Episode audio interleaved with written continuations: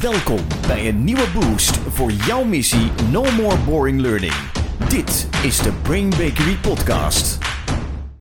Super fijn dat je luistert. We zitten in een nieuwe aflevering en niet zomaar een aflevering. We Nee. zitten namelijk in een speciale week. Ja, we zitten in de Brain Awareness Week. Het is de Brain Awareness Week. En in deze aflevering gaan we er aandacht aan besteden door met je te delen. Maar liefst zes manieren om, eh, nou, om je slimmer te maken, om goed Ja. voor je brein te zorgen, om je brein te ontwikkelen. Ja, want de reden waarom wij altijd aandacht vragen in deze week, in de Brain Awareness Week, mocht je hem trouwens in een andere week luisteren, dan noem je gewoon die week de Brain Awareness Week. Want wanneer moet je eigenlijk niet je bewust zijn van je eigen brein? Want wat heel veel mensen zich niet realiseren, is dat je je nooit realiseert dat je een brein hebt. Ja. totdat er iets mee misgaat. Ja.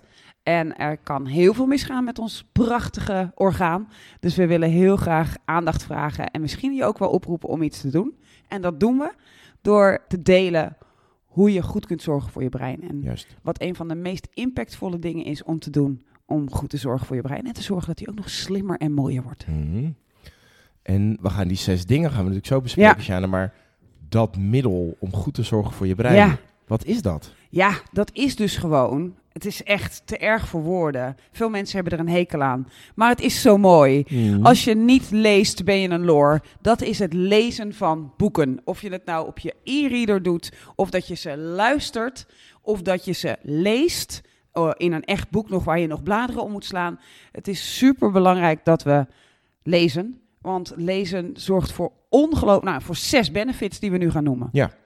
We hebben daar natuurlijk eerder een podcast over Ja. gemaakt. Die was gericht op waarom je boeken zou gebruiken in, eh, in leertrajecten en leiderschapstrajecten. Dit wordt natuurlijk een wat andere insteek. Ja, dit gaat echt over hoe kun jij het gebruiken. En natuurlijk kun je dit ook weer doorvertalen naar waar het, waarom het voor anderen goed is. Uh, maar deze keer willen we het ook even hebben over het belang van boeken in huizen waar kinderen opgroeien. Juist.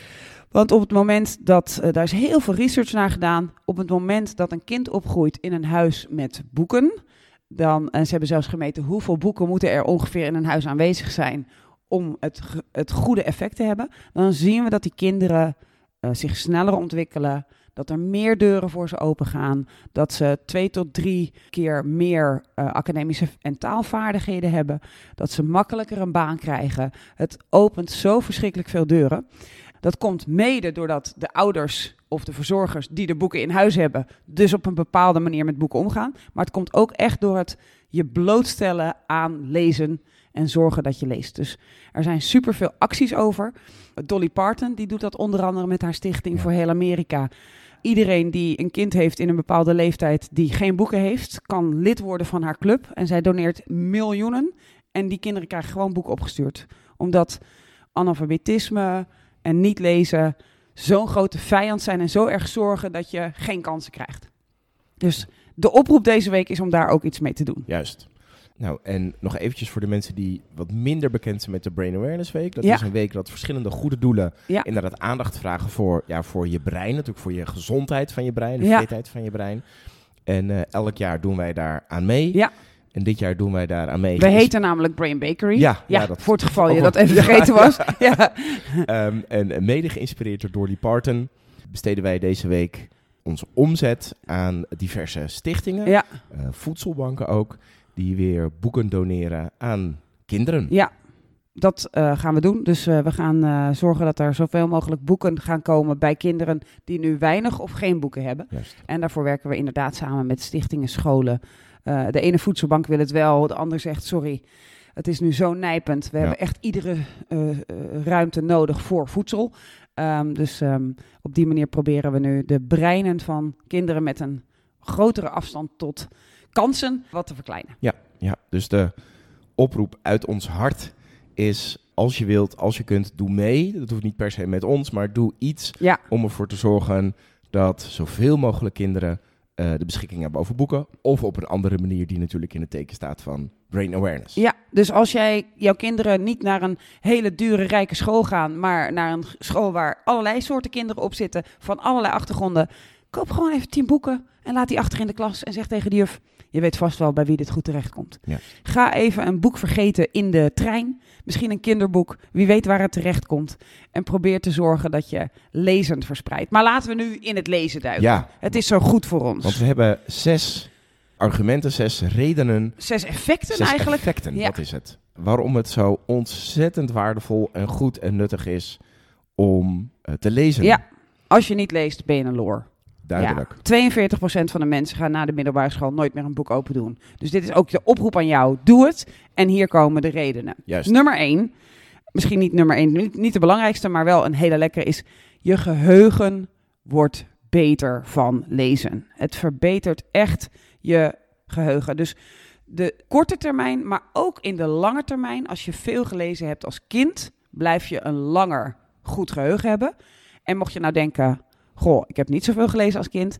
Ook als je nu gaat lezen, heb je daar lang effect van. Je Oh, ziet dat het invloed heeft op de interconnectiviteit van je hele hersenpan. Omdat je je verliest in een andere wereld, eh, op een andere manier aan het kijken bent, eh, empathie voelt voor anderen.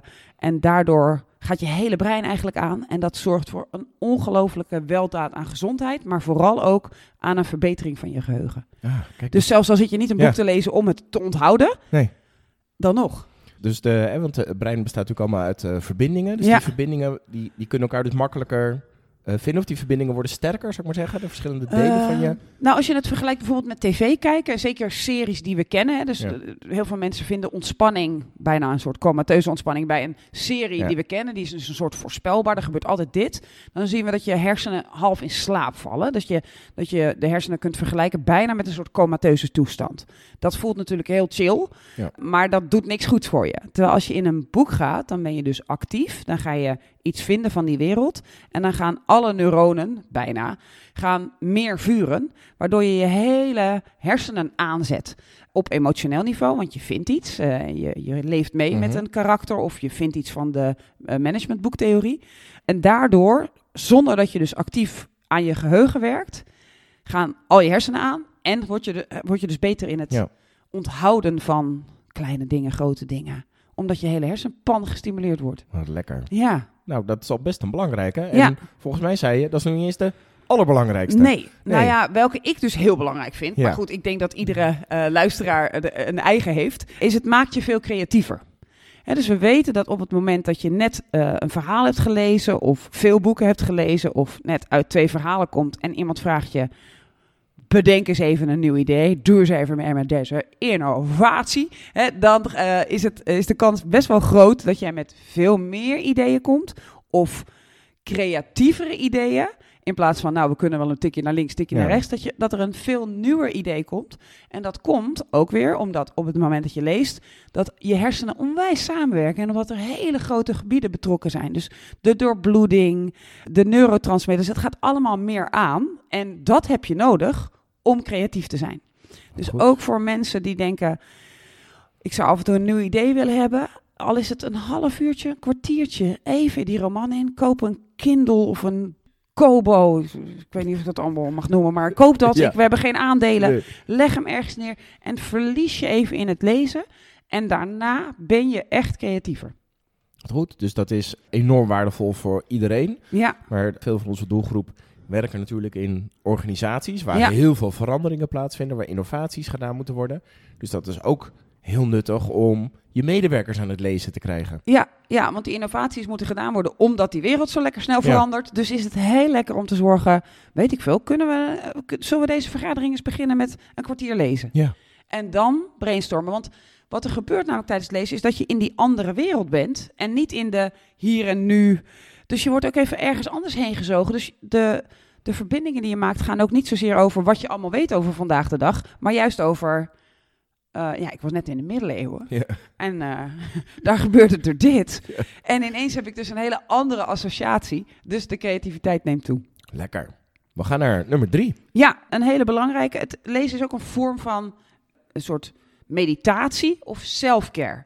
Het jezelf gunnen om je terug te trekken in een boek. En even in een hele andere wereld te zijn. Dat doet heel veel met je cortisol-levels. je ontspant ervan. We zien ook dat de ademhaling van mensen die lezen, zeker als ze ontspannen lezen, eh, hè, als het een ontspannen verhaal is, Ja. hij gaat wel wat omhoog als je ineens in een oorlogssituatie zit. Maar je ontspant ervan en eh, je stresslevels gaan om, omlaag. En je genietlevels gaan omhoog. Dus de ontspanning die eruit voortkomt is heel erg groot. Het is ook niet voor niets, denk ik, dat je kent waarschijnlijk wel die uitdaging van 75 hard. Daar gaat het hele internet Mhm. nu over aan. Dan moet je 75 dagen moet je een aantal dingen doen. Drie liter water drinken. Je moet ook twee keer drie kwartier sporten. Waaronder één van die twee keer moet buiten. En daarom zeggen ze ook dat bijna niemand het haalt. Maar sommige mensen halen dat. Ja. Maar daar zit ook bij, je moet 10 pagina's per dag lezen.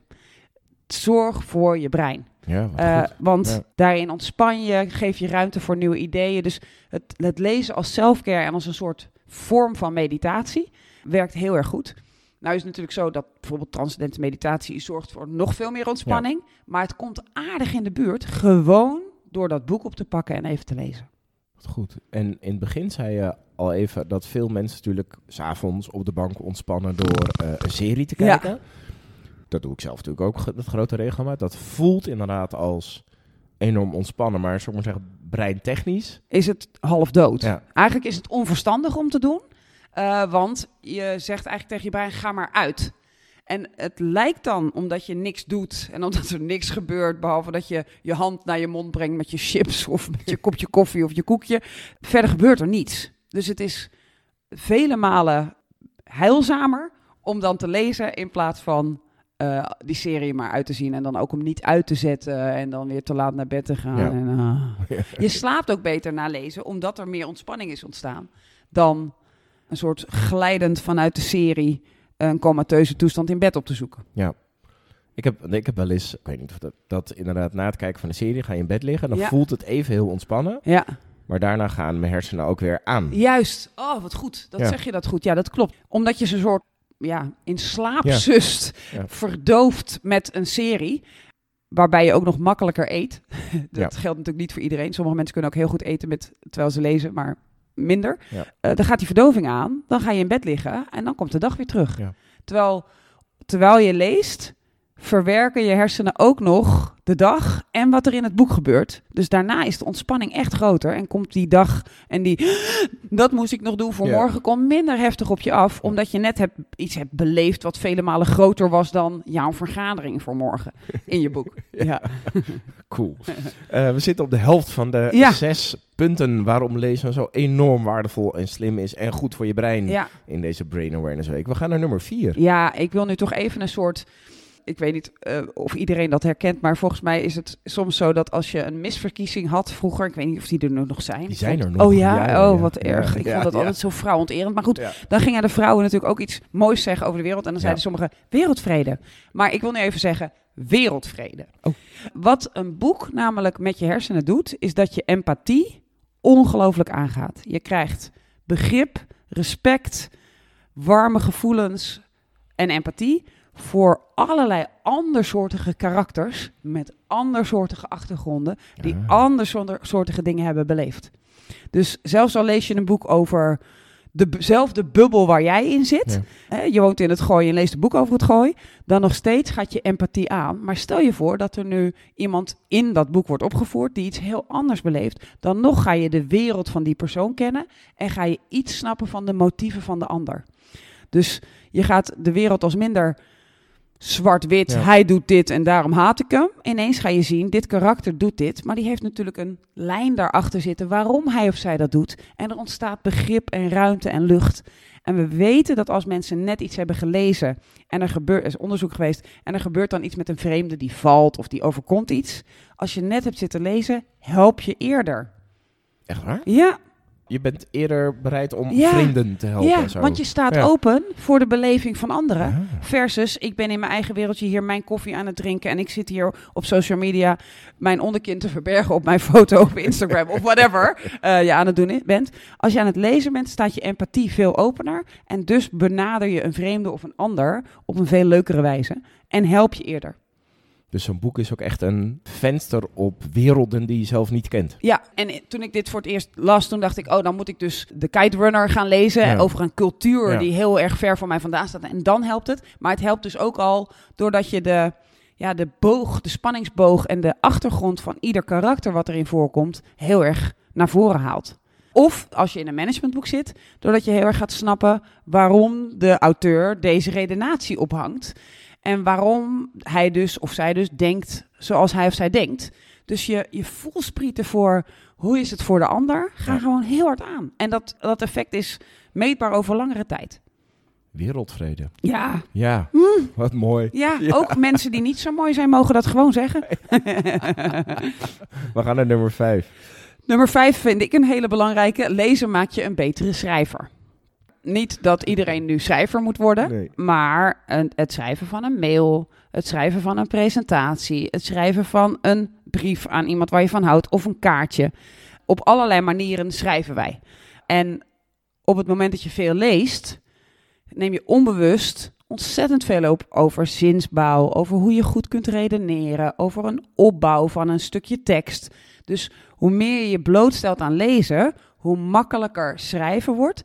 En wat echte goede schrijvers goed kunnen, is echt een redenatie volgen en ook een soort consistentie hebben in hun schrijven. Dat je niet we en dan je en dan me en dan ik, maar dat je één grote consistentie hebt. Dus je redenatievermogen op papier wordt ook nog eens sterker.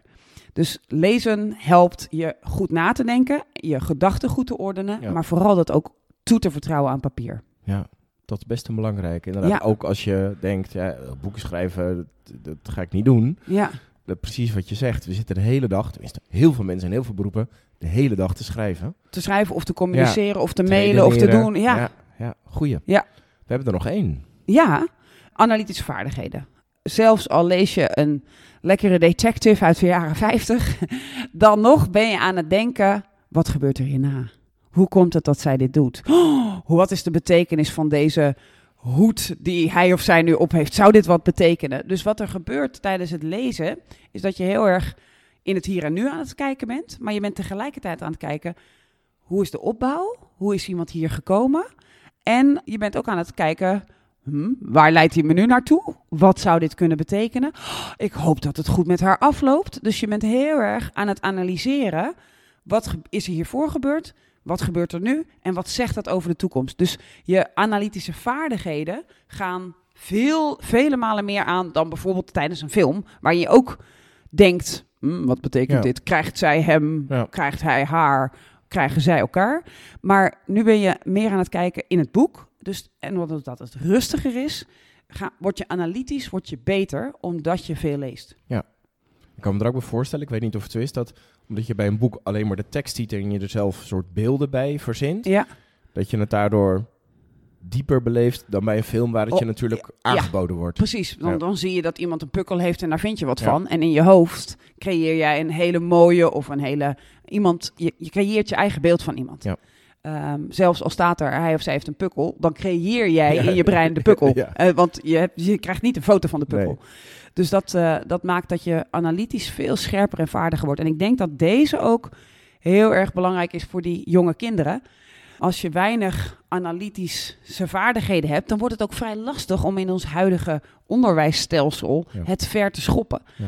En zeker als je dan in een gezin zit met wat taalachterstand of in een, misschien wel in een tehuis zit waar dat niet veel wordt aangeboden, omdat het meer over survival gaat dan over oké, we gaan nu wat Mozart aanzetten zodat jouw breintje lekker wordt geprikkeld. Dan is het dus nog verstandiger, trouwens, dat is een mythe. Mozart helpt niet bij kinderen en bij baby's. Zo, even- Lezen is veel beter. Sorry, ik schakelde even Ja. over. Ja. Die wordt even doorgeprikt hier. En wat ze ook hebben ontdekt, en dat is een recente studie bij Harvard University Medical School, is dat kinderen met ADHD heel veel baat hebben bij lezen. Het is wat moeilijker voor ze, maar op het moment dat het verhaal spannend genoeg wordt eh, gebracht, dan leren zij dus hun emoties wat meer te reguleren. En dan heeft het echt een positief effect op hun drukte. Juist cortisol daalt. Maar goed, Ja. je moet ze niet een saai boek, ja, een boring boek gaat Nee. natuurlijk niet helpen. Ze moeten het leuk vinden en, en meer willen weten. Ja. En dat is vele malen beter dan weer voor een scherm. Over die kinderen eh, gesproken en eh, hun ontwikkeling. In het begin van deze podcast zei je, hè, er is echt studie gedaan naar dat boeken goed Ja. zijn voor de ontwikkeling Ja. van kinderen. Je zei ook eventjes, we weten zelfs hoeveel. Kun je, Ja. daar- kun je daar nog wat De over meeste zeggen? studies komen uit op onder de 80 en boven de 80. Eh, en er wordt ook vergeleken bij landen. Dus bijvoorbeeld in Noorwegen hebben mensen gemiddeld de meeste boeken in huis.